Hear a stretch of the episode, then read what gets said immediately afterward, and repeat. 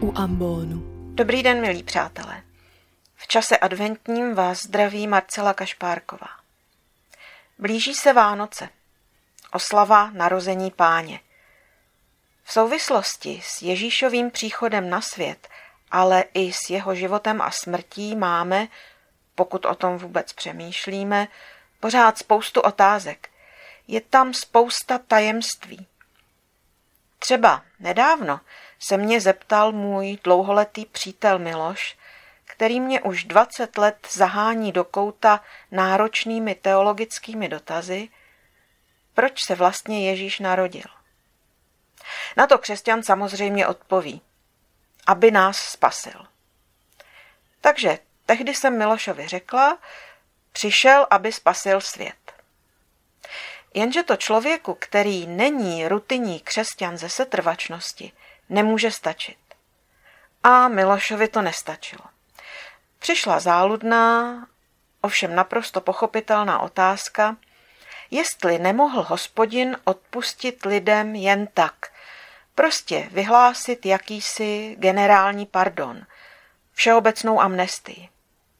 Tak co byste mu na to řekli? Ještě ke všemu sedíce v kavárně a nemajíce při ruce žádné teologické statě. Kdysi bych se možná pokusila na tohle téma rozehrát šarádu myšlenek a tézí. Ovšem, čím jsem starší, tím víc nevím. Obdivuju se teologům, kteří říkají, že vědí. Já jsem tehdy odpověděla, že nevím. A od té doby nad tím přemýšlím. Proč všemohoucí a prý na nejvýš milosrdný Bůh vlastně nevyhlásil tu všeobecnou amnestii? Něco jako všichni jste moje milované děti. Sice si to vůbec nezasloužíte, ale já vám odpouštím. Už se netrapte, všichni přijdete ke mně do ráje. Proč se narodil Ježíš? Proč tak dramaticky? Proč vzal na sebe tak těžký úděl a dotáhl ho až do bolestivého a následně vítězného konce? Zatím jsem došla ke dvěma závěrům. Jednak za A, že o těchto věcech málo uvažuju. A za B, že kdyby Bůh přišel s tím generálním pardonem, Dřív nebo později bychom nejspíš zapomněli, že nám odpustil. Když nám někdo odpustí, nějakou dobu se snažíme. Vybavte si, jak to bylo v dětství. Rodiče se na nás kvůli něčemu zlobili, pak nám odpustili a my nějakou dobu sekali latinu.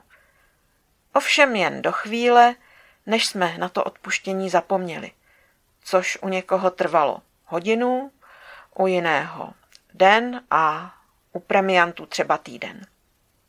V lidské povaze je možná nějak zakódováno, že si pamatujeme, komu jsme odpustili. Už jen když spatříme člověka, jemuž jsme něco prominuli, někde v mozku se rozezní. Hle, k tomu jsme byli velice šlechetní. Ze studu nebo snad z pocitu trapnosti, ale ochotně vytěsníme, co kdo odpustil nám. A tak by to nejspíš asi dopadlo i s tou boží amnestií. Prostě bychom zapomněli, že byla. Jenže my tu máme zvěstování od archanděla Gabriela. Máme tu chlev v Betlémě. Je tu Getsemanská zahrada. Golgota a prázdný hrob. Je tu největší příběh lidských dějin, který nám nedovoluje zapomenout na to, že se nám dostalo odpuštění.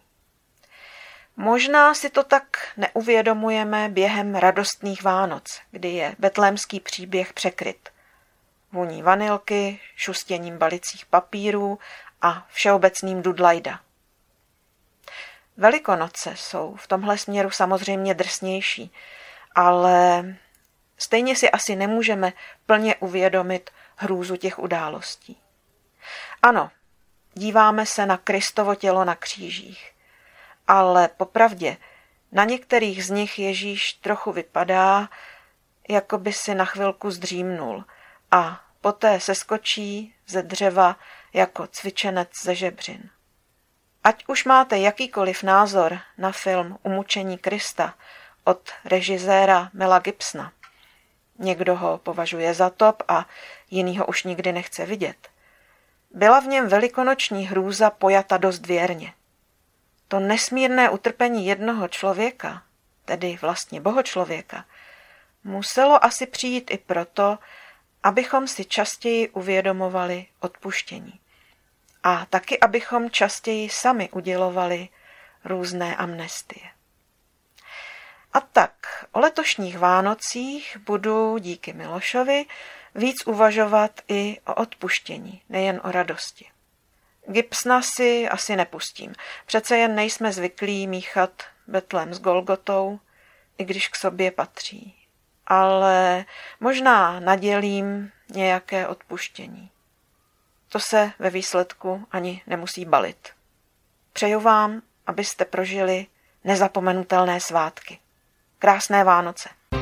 Podcast u Ambonu pro vás připravuje Fortna. Slovo na všední i sváteční dny najdete každé pondělí a pátek na Fortna EU a na Spotify.